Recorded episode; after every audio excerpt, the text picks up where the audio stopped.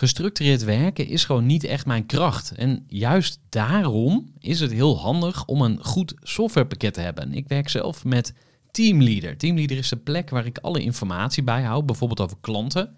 Waarin ik offertes maak en verstuur en die digitaal laat ondertekenen. Waarin ik facturen verstuur, waarin ik lijstjes bijhoud, waarin ik projecten kan managen, waarin ik standaard e-mails kan programmeren. Kortom, ik gebruik Teamleader om alle werkprocessen van mijn bedrijf te stroomlijnen. En zeker ook als je met een team werkt, is het heel fijn om over dezelfde informatie te beschikken. Nou, als je ook benieuwd bent of er mogelijkheden zijn om jouw bedrijf meer te stroomlijnen, of je nu alleen werkt of met een team, ga even naar teamleader.nl slash groeivoer en je kunt dan vandaag nog een trial starten voor twee weken lang, gratis. En je kunt Teamleader volledig uitproberen. En na de proefperiode krijg je ook nog zo'n leuke korting als luisteraar van Groeivoer. Ga naar teamleader.nl slash groeivoer. Groeivoer. Groeivoer. Groeivoer. Zoek je inzicht, inspiratie voor je eigen bedrijf. Wil je elke dag iets leren? Luister dan naar Groeivoer. Hey, wat leuk dat je weer luistert naar de Groeivoer podcast. Mijn naam is Gerard Tevelde en met het team bij Groeivoer help ik ondernemers bij hun groei. Persoonlijke groei, bedrijfsgroei, scale-ups, start-ups. Uh, we hebben eigenlijk voor iedereen wel een uh, oplossing. In deze aflevering kun je luisteren naar een gesprek dat ik had met Anne Tekstra van het bedrijf De Billen Boutique. Nou, voor je helemaal uh, opgewonden raakt, het gaat over babybilletjes. Want in 2019 werd ik voor het eerst vader. En uh, mijn dochter Fine is toen geboren in april. En ja, mijn vrouw en ik uh, zijn niet echt enorme milieufreaks, maar we vonden het wel cool om iets te doen. En dus hebben we gekozen voor wasbare luiers. Ja, ik had het uh, zelf ook niet verwacht, maar we hebben het toch gedaan. En Anne Textra, die verkoopt wasbare luiers. En die stond zeer gepassioneerd op een babybeurs en heel, heel gepassioneerd te vertellen over zijn product. En toen dacht ik, hey, dat is cool, die wil ik wel in mijn podcast. Zo gezegd, zo gedaan. En uh, Anne Textra kwam lekker uh, naar mijn huis, naar ons huis. En aan de keukentafel hebben we het over zijn business gehad. Die hij samen met zijn vrouw runt. Nou, je hoort alles uh, over de ups en downs en over zijn ontstaansgeschiedenis als ondernemer. Want dat had hij eigenlijk zelf niet bedacht, dat hij ondernemer zou worden. Uh, je hoort meer over het verdienmodel, over de logistiek, over uh, alle uh, ins en outs van het bedrijf. Heel veel luisterplezier met deze aflevering met Anne Tekstra van De Billen Boutique. Voor de kennis en ideeën van een interessante gast die zijn verhaal met jou wil Anne Tekstra, van harte welkom in de Groeivoer podcast. Ja, dankjewel. Um, ja, vertel gewoon eens even, wie ben je en um, ja, wat voor bedrijf heb je? Uh, ja, ik ben Anne, uh, vader van twee kinderen. Dat is uh, iets waar je als vader al snel mee identificeert. en daarnaast eigenaar van de Billenboutique. Als ondernemer is dat eigenlijk ook gewoon een, een kindje. dus in die zin heb ik drie kinderen uh, probeer ik mijn tijd ook evenredig over die dingen te verdelen. Maar dat, uh, dat kan af en toe heel uh, lastig zijn. Ik ben afgestudeerd in humanistiek hier in Utrecht. Een hele kleine opleiding. ik heb daar alleen maar mijn bachelor gehaald. Daar heb ik heel lang over gedaan. En toen ik afgestudeerd was, ehm, was er ook net een crisismoment. dat mensen heel moeilijk aan de baan konden komen. Ja. Ik ben ten eerste gewoon een tijdje eh, fulltime vader geweest. Terugkijkend fulltime vader met één kind uh, is relatief heel makkelijk als je het vergelijkt met vader van twee kinderen en eigenaar van een bedrijf. Maar toen voelde dat ook al best wel als een fulltime baan. Toen uh, werd het voor mij wel tijd om iets te gaan doen, maar solliciteren had weinig effect. Dus uh, ik was al wat ouder, ik was later begonnen met de studie. Ja, wat, wat, wat kun je worden met humanistiek? Uh, ja, de, de, humanistisch raadsman. Ja. Uh, nee, je, kan, je kan uiteraard uh, door in het, uh, in, in, het onderzoek van, van de humanistiek. Mm -hmm. maar veel mensen worden de raadsman of adviseur. Ja. Ja, daarnaast er, is, er zijn een aantal takken, dus er is ook een, eh, een meer organisatieadvies tak. Eh, met dan dus een humanistische insteek. En eh, hoe ontdekte je dat je dan daar niet mee verder wilde? Of dat je geen raadsman wilde worden? Wel geprobeerd of aangesnuffeld? Of... Ja, nou, het, het, eh, ergens ehm, was het vanzelfsprekend omdat ik alleen maar mijn bachelor had afgerond. En je voor veel van dat soort vacatures gewoon de master ook moet hebben afgerond. ja, ja. Eh, die bij humanistiek overigens ook drie jaar duurt. En dat was voor mij gewoon geen optie meer. Dus dat was in die zin eigenlijk al uitgesloten. Ja, da- daarnaast ehm, eh, merkte ik dat ik me er niet helemaal thuis voelde. Dat ik dat altijd dacht dat, eh, dat de anderen daar veel beter in waren dan ik. En eh, dus dat ik me er, er moeilijk echt, echt helemaal in kon verliezen. Of Ja. ja, daar, daar echt voor gaan. Daarom heb ik er ook zo lang over gedaan. Maar het, het is op zich wel gewoon een universitaire opleiding die breed is en waar je gewoon leert nadenken. Dus het, het geeft een heel eh, pakket aan eh, vaardigheden en zo. Waar je natuurlijk ook gewoon mee kan solliciteren. Maar eh, in die periode dat ik dat ging doen, was daar weinig eh, vraag naar. En toen ben je maar ondernemer geworden. Of ja, hoe, het, hoe, hoe liep dat? ehm, eh, ja, we, we verkopen met de billenboutique dus wasbare luiers. Ehm, en die gebruikten we eerst gewoon zelf bij onze oudste zoon. Mijn, mijn vrouw die was op vakantie geweest en die had daar eh, een kindje zien lopen met een wasbare luier. En die was met de moeder in gesprek geraakt. En eh, dat vond ze interessant.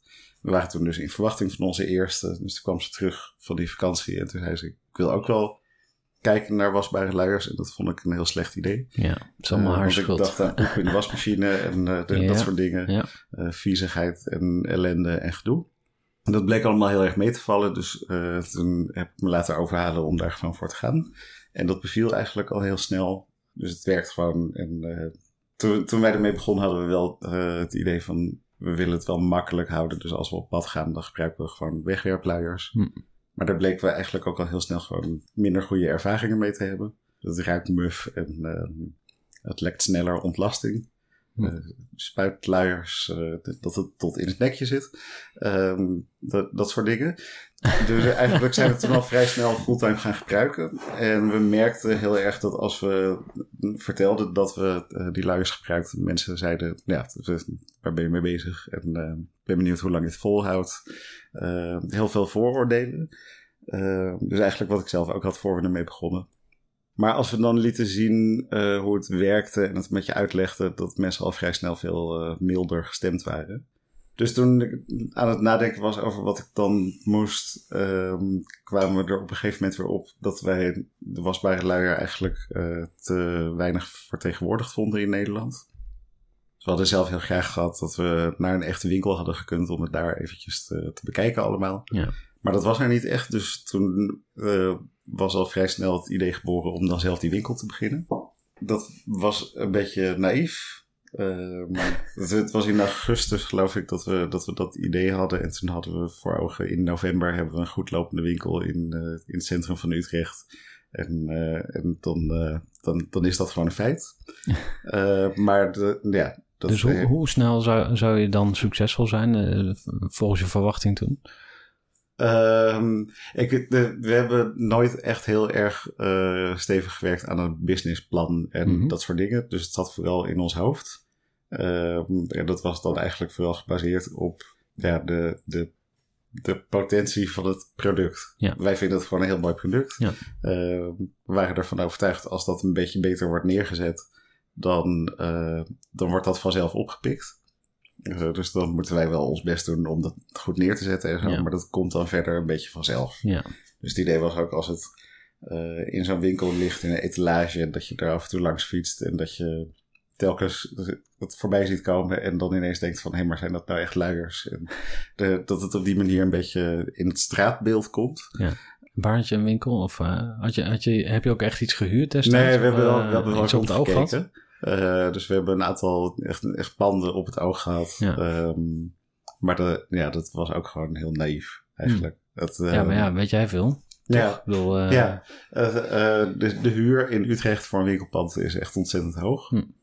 Dus daar kwamen we al snel op uit dat dat gewoon moeilijk te betalen was. Dus dat was eigenlijk de voornaamste reden dat we die eerste panden nog hebben laten schieten. Ik doe het overigens samen met mijn vrouw. Ja. Eh, zij werkte eh, bij de Nederlandse Spoorwegen. Hm. Maar de, dus ook heel erg eh, samen aan de billenboutique. Hoe heet je vrouw? Hanna. Hanna. Dus we, de- we zijn er wel echt samen aan begonnen. eh, met het idee dat zij nog wel een tijdje bij de NS zou moeten blijven werken. Maar dat dat uiteindelijk eh, ook eh, klaar zou zijn. Waar we nu, nu terugkijkend ook gewoon ehm, eh, onze eigen naïviteit doorprikken. Is dat je, als je met z'n tweeën twee kinderen hebt. eh, en een, een goed lopende winkel in het centrum van Utrecht. Dat je er eigenlijk zeven dagen in de week moet zijn. Ja. Ehm, en dat dat eigenlijk niet zo haalbaar is. Ehm, dus het- nou ja, dat, dat is terugkijkend. Maar in die periode dachten wij van, ah, dat doen we wel en dat, eh, dat komt wel goed. Toen hadden we overigens ook nog maar één kind, want de tweede die zat nog in de buik. Ja. Die werd eh, eh, toen de billenboutique net open was, eh, geboren. Want is wel zo die naam ontstaan? We, we hebben heel veel namen verzonnen. Ehm, eh, ja, we wilden inderdaad dat het een beetje eh, hip is en iets met een knipoog. Inderdaad ook zonder meteen plat te zijn. Ehm, en daar waren we een tijdje mee bezig. En ondertussen, eh, we hebben veel met mijn vader daarover gehad. eh, van hoe zet je een bedrijf op. Hm. En toen had hij als, als titel van een mailtje daarover eh Billenboutique als, eh, als grapje naar ons. Dus dat was echt niet de bedoeling dat dat ehm, het zou worden. Maar dat bleef bij ons hangen inderdaad. En eh, toen konden we niks beters verzinnen.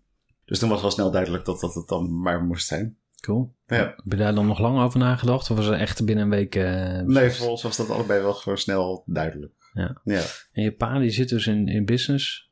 Hm. Of eh, in die hoek of zo? Wat, eh, Ja, hij is niet zelfstandig ondernemer. Hij heeft eh, eh, eerst in een chemische fabriek gewerkt een tijdje. En toen eh, is hij zichzelf gaan scholen in organisatieadvies. Ja. En zo in de omroepwereld terechtgekomen. En een tijd bij het Nederlandse omroepproductiebedrijf gewerkt. mhm.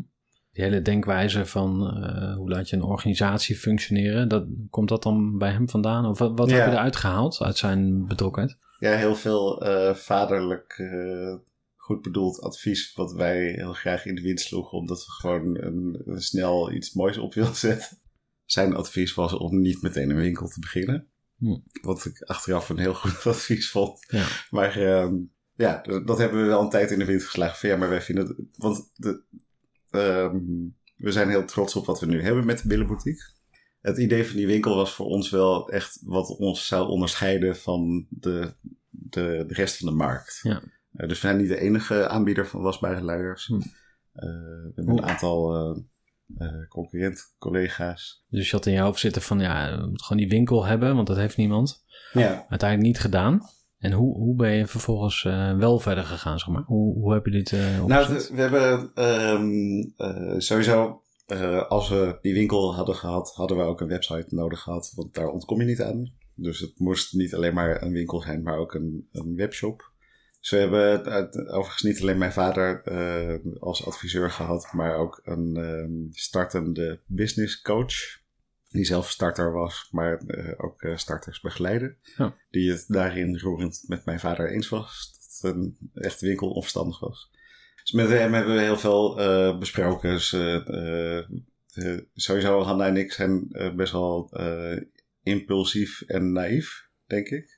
Eh, wat een heel positieve kwaliteit is als je, als je iets wil opzetten. Ja. Ehm, wat, wat bedoel je daarmee? nou, het, het, het kost een heleboel energie en tijd en gedoe en eh, frustratie. En ehm, ja, af en toe vragen we ons af of het dat wel waard is. Ja. Ehm, en ik denk dat het dat wel waard is, maar als ik van- vanuit mijn rustige positie van toen had gekeken naar hoe druk ik het nu zou hebben, dan Ja. zou ik dat liever niet hebben gehad. Ja. Maar dat levert ook weer dingen op. Even een korte onderbreking met een belangrijke vraag aan jou. Want wat heb jij geregeld voor het geval je van de ene op de andere dag zou komen uit te vallen? Wat gebeurt er dan met je bedrijf, maar vooral wat gebeurt er met jou persoonlijk en ook in financieel opzicht? Samen met ASR voerde ik drie openhartige gesprekken over tegenslag en veerkracht. En dat deed ik met Saskia, Vincent en Pieter. Ondernemers met een bloeiend bedrijf die van de ene op de andere dag niet meer konden werken. En die verhalen hoor je in aflevering 256, 257 en 258 van deze podcast. Als ondernemer wil je natuurlijk niet uitvallen. En daarom is het belangrijk dat je veerkrachtig bent, want voorkomen is beter dan genezen. En als het dan toch misgaat, is het fijn dat je iets geregeld hebt, zodat je weer snel door kunt met ondernemen. Wil je weten hoe veerkrachtig jij nu bent? Vul dan in twee minuten de veerkrachttest van ASR in. Ga naar asr.nl slash veerkrachttest ondernemers. Maar hoe, hoe heb je het dan toch uh, geflikt om zeg maar door te gaan? Want je, had, uh, je begon, Nou, het, ehm, toen had je die droom, die winkel. Nou, die Ja. winkel dat ging niet door, dus je ging op een ander pad verder. Ja, maar het was niet, niet toen dat die winkel niet doorging, maar dat die winkel ehm, eventjes uitgesteld werd. Hm. Je moet eerst een beetje groeien en dan kan die winkel een, een optie worden. Ja. Ehm, is dat nog steeds een wens dan ook? Of een soort droom van we willen die, die fysieke plek in de stad? ehm, we zien er nog steeds heel erg het nut van in, maar we zijn nu blij dat we het niet hebben. Mhm. Wat we toen zijn gaan doen, is dus die website opzetten en ehm, alsnog mensen bij ons thuis ontvangen of bij mensen langs eh, aan de keukentafel ehm, onze luiers laten zien. Ja. Wat ik ook wel leuk vond, eh, maar ook een beetje eh, gek af en toe. Kom je met zo'n emmer met luiers. En ondertussen ehm, merkten we wel dat het groeide en een van de redenen dat we ermee begonnen zijn, is ook dat we merkten, eh, we besparen zelf echt enorm veel van die wegwerpluiers. Dus we tot aan de zinnelijkheid verschoon je een keer of 6000. Hm. Ehm, 6000? ja, dat, eh, dat gaat echt keihard. Oh shit. In het begin verschoon je 8 tot 10 keer per dag. Ja. Ehm, en dat wordt minder, maar kinderen worden steeds later zindelijk. Dus dat is ook met ruim 3 nu. Hm. Dus als je dat uitrekent, kom je op een, een stuk of 6000 verschoningen. Dat is wel heel Dus we, we merkten van, we besparen daar heel veel mee. En eh, toen we een tweede kind verwachten, wisten we van, nee, die luiers die hebben we al. Dus dan hebben we alleen nog die was- en eh, inlegvelletjes die erin moet om de ontlasting op te vangen. Ja. Ehm, dus dat, daarvan eh, vonden we het wel leuk dat we daar impact mee hadden. Maar het idee van de billenboutique was ook dat we daarmee dan echt impact zouden hebben. Dus als we andere mensen ook nog enthousiast kunnen maken ervoor, dan, Ja. dan eh, ja, heb je daar echt een veel groter eh, bereik mee. Dus iedere keer dat we mensen over konden halen, eh, was dat ook een overwinning in die zin. En in het begin hielden we het ook echt wel bij, van we hebben nu zoveel luiers bespaard. Eh, dat is nu meer een schatting aan- het worden, omdat we het gewoon veel te druk hebben om dat allemaal netjes uit te rekenen. Ja. Maar we hebben zeker een paar miljoen wegwerpluiers Wauw. bespaard inmiddels. Zo, Dat, eh, maar ligt dat dus op een hoop? ja, Ik bedoel, Ja, dat, dan ligt eh, het Lepelenburg, eh, waar we nu dichtbij Ja. zijn, ligt bij wijze van spreken vol. ja, Het is gewoon een enorme, enorme bult. dus dat, ehm, ieder, ieder stapje daarin is gewoon mooi. Ja. Wauw, maar Eh, dat is, maar dat is eigenlijk... eh, want, eh, We denken bij business altijd aan, eh, ook aan een financiële beloning, zeg maar. Eh, dit is een thema wat ook mijn interesse heeft, omdat heel veel ondernemers strukkelen, zeg maar. Met name in het, in het kleinere MKB. Ja. Is het altijd een beetje een eentje aan elkaar knopen. Ik heb er zelf ook mee te maken gehad. Maar dit is ook winst. Als Ja, je dus ja, dat visualiseert, gewoon een miljoen wegwerpluiers. Streep erdoor, of een kruis erdoor, weet je wel. Van no more, weet je. We gaan het gewoon anders doen. Ja, En jullie hebben dus voor die 1 miljoen eh ja met, met, voorkomen samen, dat samen met al ja. onze klanten. Ja, joh. Eh, die dat ook weer aan hun vrienden doorgeven en zo. Dus Ja. eh, dat vinden we ook prettig om te merken. Dat vrienden van klanten bij ons terechtkomen. maar dan wordt het een Dus dat het beweging. zich zo, zo goed Ja. zo, zo verspreidt. Dus telkens kwam het idee van die winkel wel weer opzetten. Ja. Maar werd het weer eventjes opgeschoven van ja, het kan nu nog net niet. Ehm, het, eh, het was eerst vooral een financiële kwestie. En toen kwam eh, het besef van je moet dat ook gewoon de hele tijd kunnen bemannen. Ja. En eh, er moet nog een baan naast, want het, het kan anders niet.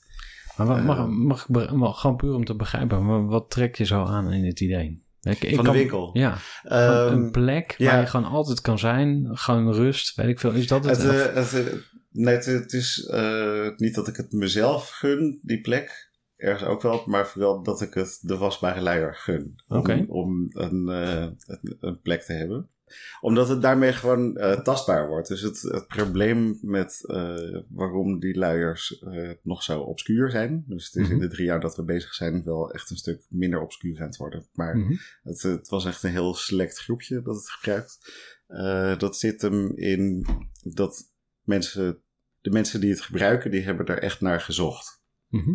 En je komt het heel weinig tegen. Ja. Het begint ook wat meer in de media terecht te komen, zoals eh, tijdschriften en eh, Mhm. ook wel eh, televisie.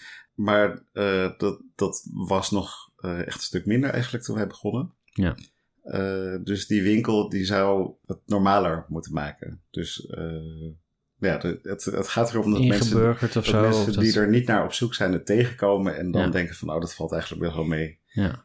Wij zijn zelf eh, eh, best wel eh, lui en chaotisch. Hm. En op zich wel begaan maar met het milieu, maar niet extreem. Dus we gaan er niet een heleboel dingen voor laten om Mhm. de wereld te verbeteren. Ja. Maar als we iets kunnen doen, dan vinden we dat op zich ook fijn. En wij kunnen het ook gewoon. Dus het, het is niet dat we, dat we ontzettend hardcore alles laten wat slecht is. Eh, maar we vinden het fijn dat we hiermee iets kunnen doen. Ja. En daarnaast vinden we het ook gewoon prettig werken. Dus vroeger Cartoon Luiers, toen kwam de wegwerpluier. Dat eh, vond iedereen fantastisch, of dat was een zegening. En, en nu zien we in dat daar nadelen aan zitten. Of dat het nou, slecht voor het milieu natuurlijk. Zitten er nog meer nadelen aan? Of zijn er nog meer redenen om te Ehm, laten liggen? Het is slecht voor het milieu omdat het heel veel afval creëert. Maar ook de productie en de, de aanvoer en de afvoer en zo. Dat zijn allemaal dingen die daar een rol in spelen. Dus daarom is het echt een, een flink vervuilend product. Ja. Maar daarnaast, eh, ik weet daar niet, niet de exacte eh, uitkomsten van de onderzoeken en zo. Maar we, we horen regelmatig dingen voorbij komen van dat... ehm, dat er dan ergens in Frankrijk weer een onderzoek was gedaan. eh, dat er in wegwerpluiers toch stoffen zitten die niet prettig zijn. Wat in Hm. ieder geval eh, in ons praatje standaard terugkomt. Dat we daar wel echt van overtuigd zijn. Is dat wegwerpluiers vocht aan de huid onttrekken. Eh, dus je krijgt als, als baby gewoon heel snel een droge huid. Hm. Die gevoeliger is. En daarnaast onttrekt het ook vocht aan de ontlasting. Waardoor als dat even blijft zitten, eh, dat helemaal uitdroogt en zuurder wordt. Dan moet je hard boenen om het er weer af te krijgen. Hm. Dus het blijft een beetje een vies verhaal. Het Sounds blijft like luiers. Ja. Ehm, maar eh, bij luiers dan blijft het smeuig en dan kan je het heel makkelijk Hm. weer afvegen. Ja. Dus eh, dat, ja, dat, dat, dat is een, een voordeel. Ehm, ja, en daarnaast de, de kosten. Ja. Dus het, je bespaart er gewoon een heleboel geld mee. Zeker als je een tweede kind hebt. Dan heb je de luiers al.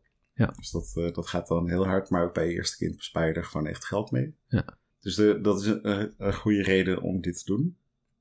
Ja, en we hebben ook klanten die het alleen maar doen omdat het er leuker uitziet. Dus het heeft eh, Ah. leuke patroontjes en zo. Die, eh, die hebben geld zat en Ja. eh, zijn niet geïnteresseerd in het milieu. En, en dat soort dingen. eh, dit- maar die vinden gewoon echt dat het, eh, dat het er leuk uitziet en doen Ja. het daarom. Dus het is ook een, een, beetje een modeproduct aan het worden. Ja, je vertelde net al even dat je ook op een beurs gestaan hebt voor jonge, hippe ouders. Dus je, je staat op allerlei plekken. Ja. Kan je daar iets meer eh, over vertellen? Hoe, hoe eh, breng je het product aan de man? Je hebt dus geen winkel, Ehm, maar je nee, hebt wel een manier de- gevonden. We, we moeten er een beetje mee de boer op, inderdaad. Mhm. Ehm, ja, we, we, eh, toen we het bedrijf begonnen, eh, zijn we bij onze eigen verloskundige praktijk ook terechtgekomen. Die hadden een voorlichtingsavond. En omdat wij gewoon iets goeds voor de stad doen. Want Ja. in Utrecht wordt al 9 miljoen kilo per jaar aan wegwerpluiers eh, weggegooid. Ja. Eh, dat vonden zij mooi. Eh, dus toen hebben ze gezegd, jullie moeten bij ons op de informatieavond komen. Dus toen hadden we ineens als pauzeprogramma een, Wow. een tafel met luiers. En, Een enorme gunfactor dus. Ja, ja Cool. dat, dat vinden we heel fijn inderdaad. Daar zijn we wel dankbaar voor. Oh, maar verdient het ook. Ik bedoel, kom op. Ja, ja, dank je. Steek gewoon je nek uit. Ja, dus eh, dat is een, een moment waar nou ja, gewoon eh, on- onze doelgroep komt. Ja. En, eh, dus ja, we hebben heel veel kinderen, men- mensen die al kinderen hebben, Mhm. maar vooral veel zwangeren. Omdat die zich echt nog in van alles aan het verdiepen zijn Ja. en niet in de malle molen van het ouderschap zitten nog. Mhm. Dus die, die kunnen nog dingen beschouwen. Maar we hebben ook veel mensen die er in de eerste weken achter komen hoeveel ze weggooien. En dan alsnog zich Oh. erin gaan verdiepen. Maar die eerste fase, dat, eh, dat mensen zwanger zijn en zich eh, in van alles aan het verdiepen zijn, dat, eh, dat is een belangrijk moment. via de koffiedame van de locatie waar die voorlichtingsavond was, kwamen we erachter dat op diezelfde plek nog zo'n voorlichtingsavond was. En toen heeft zij voor ons contact gelegd met Nee, die praktijk en zijn we daar terecht gekomen. Dus uh, dankjewel Trudy. Ehm, dus, dat is ook weer die gunfactor inderdaad. Die, die geboortemarkt van het ziekenhuis, eh, daar staan we nu ook al drie jaar of zo. En daar zijn we dus inderdaad eh, de, de drukste stand van Ja. de hele markt. Eh, Ja, by far. eh, dus de eerste keer dat we bij het diakoneshuis stonden, waren we behoorlijk aan het praten. En de een na de ander kwam langs. En toen dacht ik na een uurtje van, nou wil ik wel even wat drinken. Toen keek ik op mijn klok en toen was het al half twee, was het alweer bijna afgelopen. Zo, dus het, het ging Ja. zo in een stuk door dat we gewoon niet in de gaten hadden dat het al zo laat was.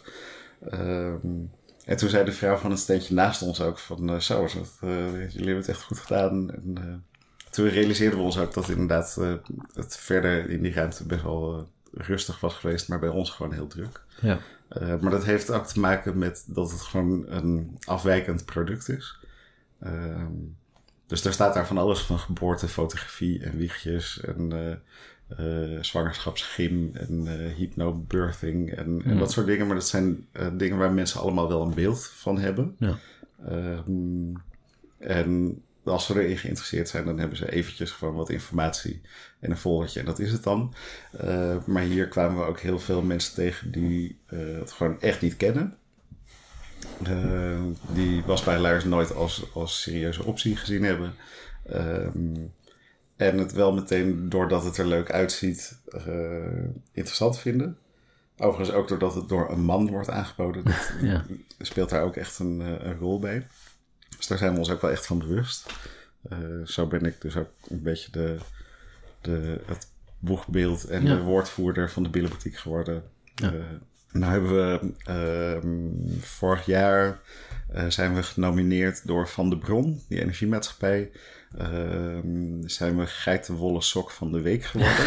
Eh, dus dat was een initiatief om, eh, ja, om ehm, Mooie eh, erkenning. ehm, ondernemingen zoals wij een, een beetje te stimuleren. Wat volgens mij toen daarna gebeurd is, ehm, is dat doordat we geitenwolle sok van de week waren, we een beetje aandacht hebben gekregen, eh, her en der.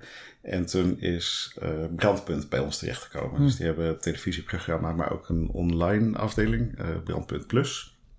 Daar werden we door benaderd van we willen een item over luiers maken. Willen jullie daar aan meewerken? Dus toen ben ik daarvoor geïnterviewd en dat vond ik echt verschrikkelijk. Ehm, Ja, wat en- gebeurt er dan met je? doodeng. Eh, Hoofdpijn, buikpijn, ja, zweten. zweten en eh, het klap dicht. En ik, ik vind het gewoon heel ongemakkelijk. En ehm, eh, dat interview, ehm, dat was geweest. En ik had een aantal dingen ge- gezegd waarvan ik wist dat is goed. Maar ook een heleboel dingen waar ik heel erg over twijfelde.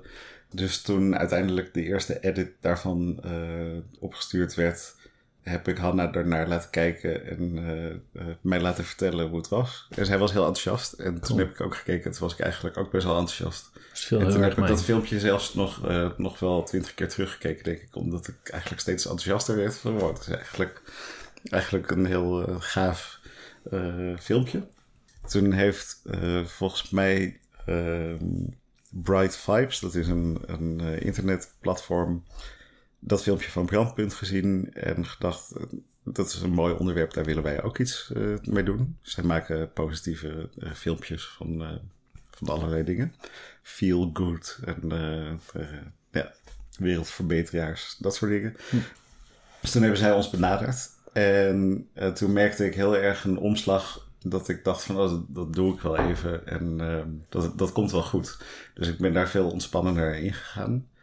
Dus toen heb ik eigenlijk gewoon heel relaxed mijn verhaal gedaan. En af en toe ook gezegd eh, van, oh, oh, wacht even, ik heb even een ingeving. Dus je moet nu even de camera aanzetten en dan vertel ik even iets. En dat, dat kwam er dan allemaal heel natuurlijk uit. Dus ik vond dat heel prettig om te merken dat ik daarin gegroeid ben. Dus dat ik, eh, dat ik daar meer zelfvertrouwen in heb gekregen. Ja. Dat, dat vind ik dan ook wel mooi, weet je wel. Dat je dan steeds stapjes maakt Ja, daarin en ja. steeds zelfverzekerder wordt. Nou, wat voor mij heel erg daarin een, een rol speelde, ik was heel tevreden over dat filmpje. Eh, dus, dus dat viel al heel erg mee. Eh, maar toen werd het filmpje ook nog eens heel goed bekeken. En ehm, af en toe even kijken hoeveel het gekeken is. En. Ja. dat, dat groeide enorm. Ja. Eh, dus dat was al snel ehm, zo'n 200.000 keer bekeken volgens mij. Dat is geweldig man.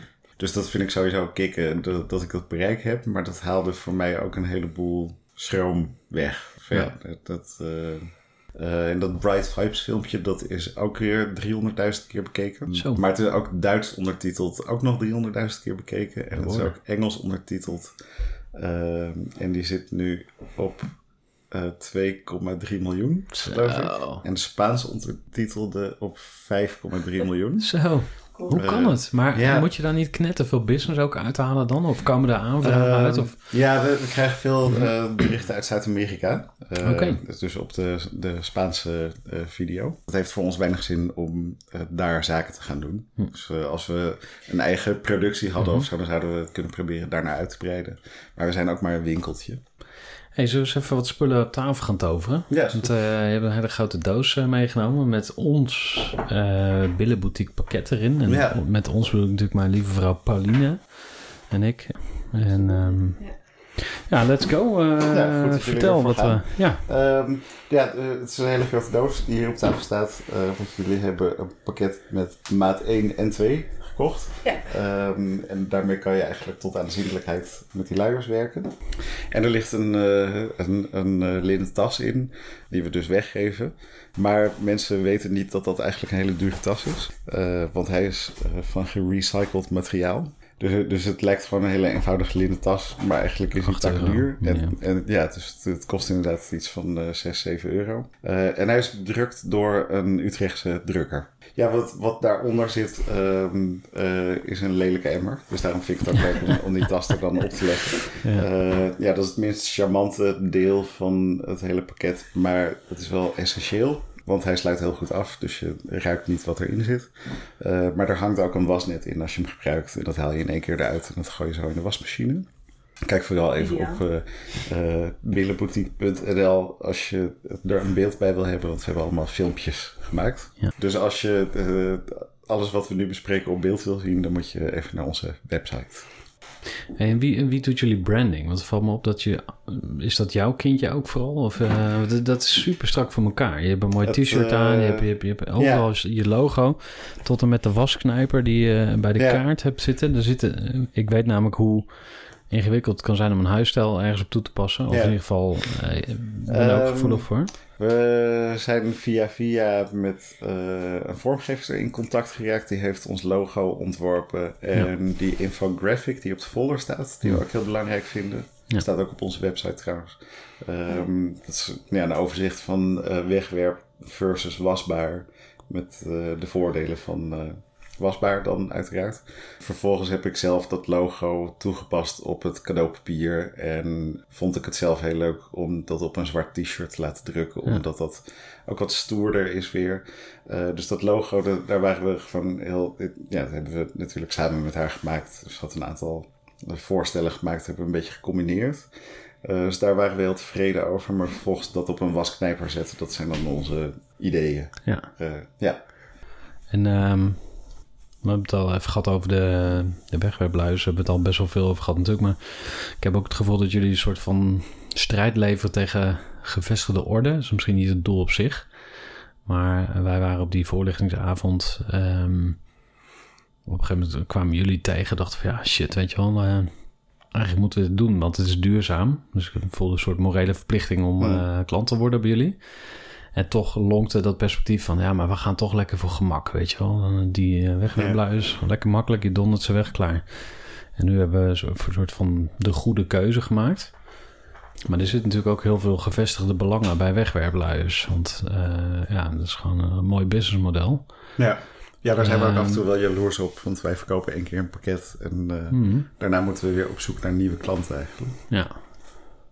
Maar hebben jullie contacten met eh, de, de industrie, zeg maar? Of Nee. praten jullie wel eens met Nee. andere duurzame luier eh, verkopers? Hoe, hoe ziet dat speelveld uit, zeg maar? We hebben niet heel veel contact of overleg met onze collega's.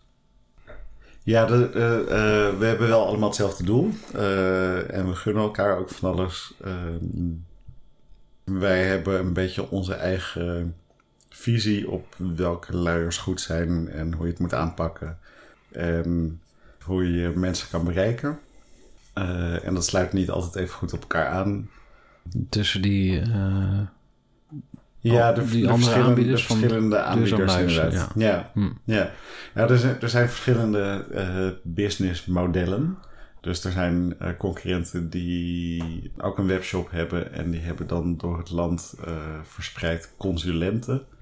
Dus dat zijn gewoon enthousiaste gebruikers die mensen thuis ontvangen. Soort Om Tupperware luiers te model of laten zo. zien. Ja. En daar ben ik af en toe jaloers op, omdat je daarmee de acquisitie een beetje uit handen geeft. Eh, nou ja, dan kan je je richten op, eh, op andere zaken. En eh, kan je in het hele land mensen bedienen. Maar wat wij vaak terugkrijgen is dat die mensen ieder weer hun eigen beeld verkondigen.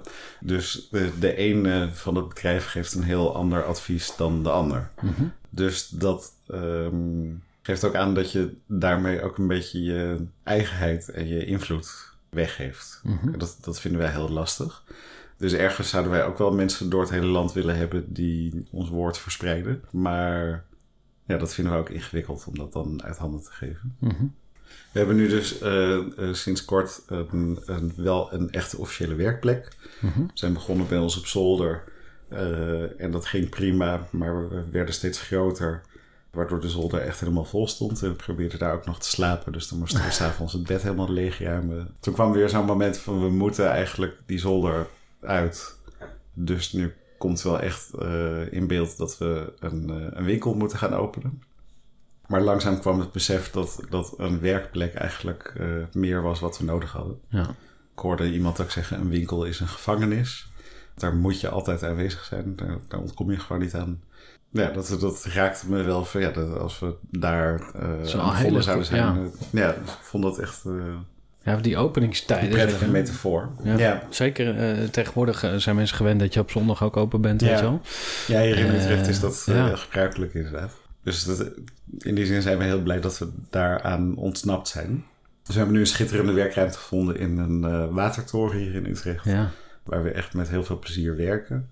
En daar hebben we regelmatig momenten dat mensen bij ons langs kunnen komen, gewoon eh, vrijblijvend binnen kunnen, kunnen lopen. Ja. Maar we kunnen ook inplannen dat dat er niet is. Ja. En eh, dan hebben we alsnog geen tijd voor het gezin, want we hebben gewoon heel veel werk te doen.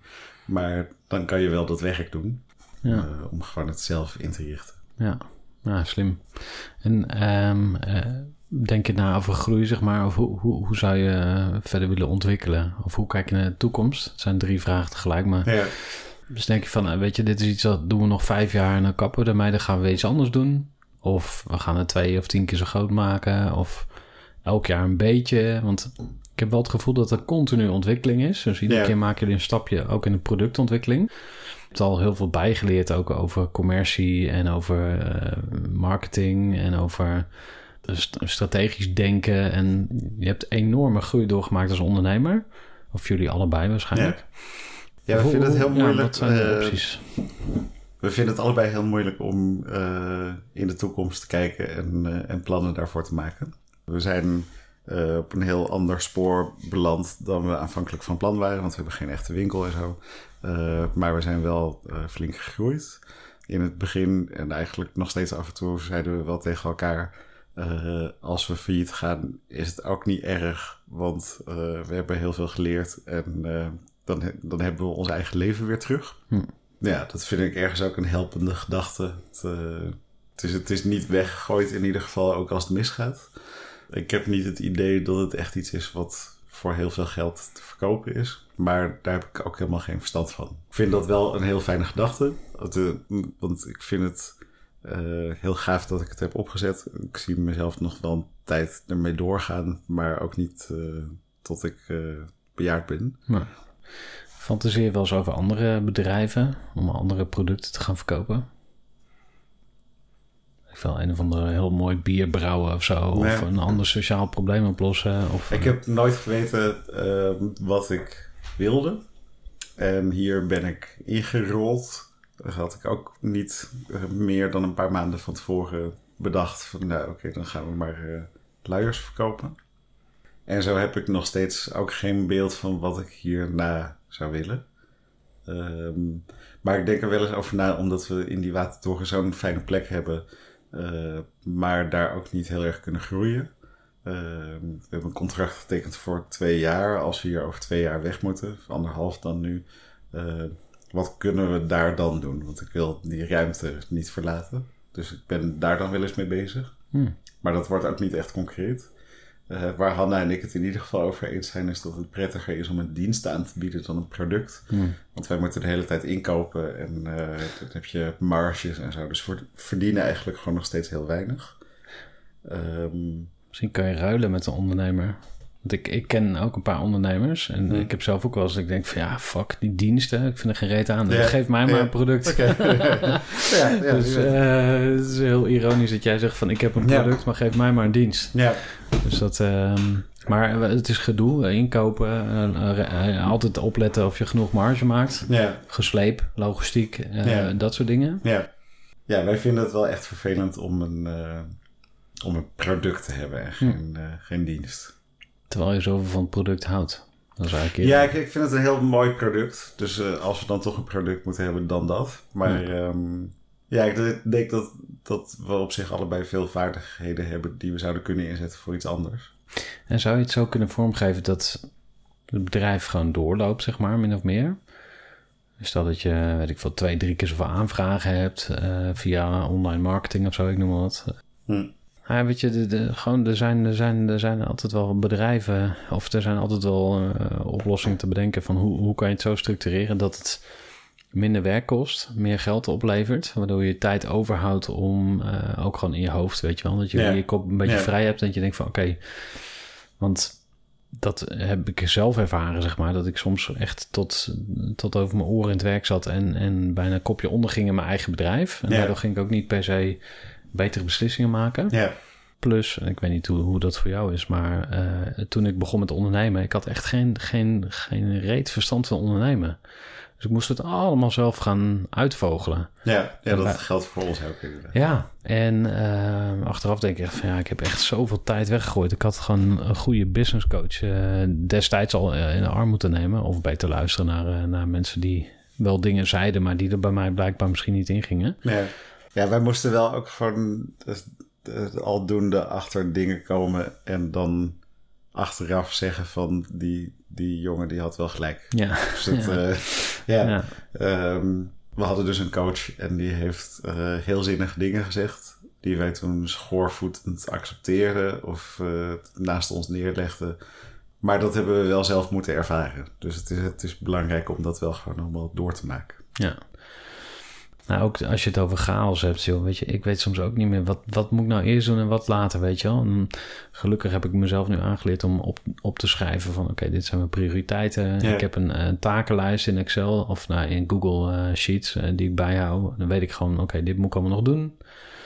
De helft van die dingen staat al een half jaar op, weet je wel. Dat is voor ooit. Maar iedere keer weer terug naar dat plan van, oké, wat was ook alweer mijn, mijn, mijn, mijn missie? Wat, wat, wat wil ik eigenlijk? Ja, Eh, even uitzoomen van, oké, waarom doe ik dit, weet je wel? ja we, we zijn nu op het punt gekomen dat Hanna gestopt is bij de NS. Hm. Met dus het idee van die, die komt dan helemaal bij de billenboutique. Maar Ja. we hebben ook nog steeds die twee kinderen. Hmm. Ehm, dus eh, in de praktijk is het nu zo dat er in ieder geval altijd één iemand volledig voor de billenboutique is en de ander voor de kinderen. Ja. En dat is al winst ten opzichte van hoe het eerst was. Ja. Nou, dat is wel een grote stap dat je gewoon... eh, er zijn veel ondernemers die doen dat überhaupt nooit. Maar je zegt gewoon je baan op, je zekerheid. Dat heeft Ja. ze nu gedaan. Het, eh, ehm, het is een beetje prematuur, maar we hebben een, een buffer eh, van mijn overleden oma die we kunnen inzetten als het nodig is. Wat die stap mogelijk maakt. Ja. Dus dat, dat geeft ruimte om dat te doen. En het was wel echt nodig, gewoon als je naar het bedrijf kijkt, om dat te doen. Want in mijn eentje red ik het niet. eh. Dus dat, ja, om te kunnen groeien was die stap nodig. Ja. En als over een half jaar blijkt dat dat eh, toch niet werkt, dan kunnen we Altijd alsnog een baan zoeken. Ja. Cool. Ja. Stel je bent eh, in verwachting, of je nou man of vrouw bent, en eh, je twijfelt, moet ik nou voor die wegwerpluiers gaan of niet? Nou, het antwoord is dus nee. dan eh, moet je snel naar billenboutique.nl gaan surfen. Daar eh, leggen jullie eh, precies uit wat de voordelen zijn. Ja, kijk naar onze filmpjes. Ja, en kies niet altijd voor de makkelijke weg. Ja, dit is ook de makkelijke weg. Het, eh, dat valt allemaal heel erg mee. Kijk, anders had ik het ook gewoon niet volgehouden als, als jonge vader. ja. Dus dit valt heel erg mee, maar je hebt gewoon heel erg het beeld van dat het veel gedoe is en, en vies. ja.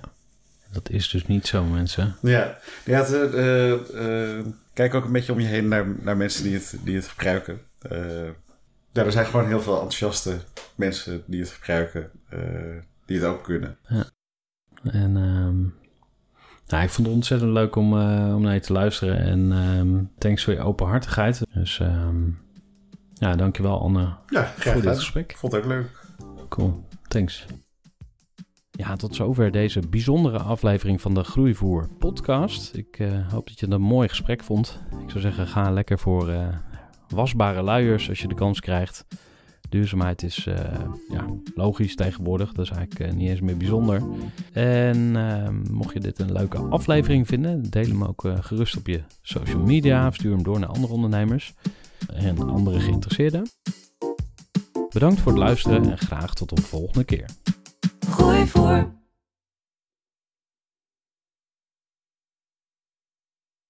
Gestructureerd werken is gewoon niet echt mijn kracht. En juist daarom is het heel handig om een goed softwarepakket te hebben. Ik werk zelf met Teamleader. Teamleader is de plek waar ik alle informatie bijhoud, bijvoorbeeld over klanten.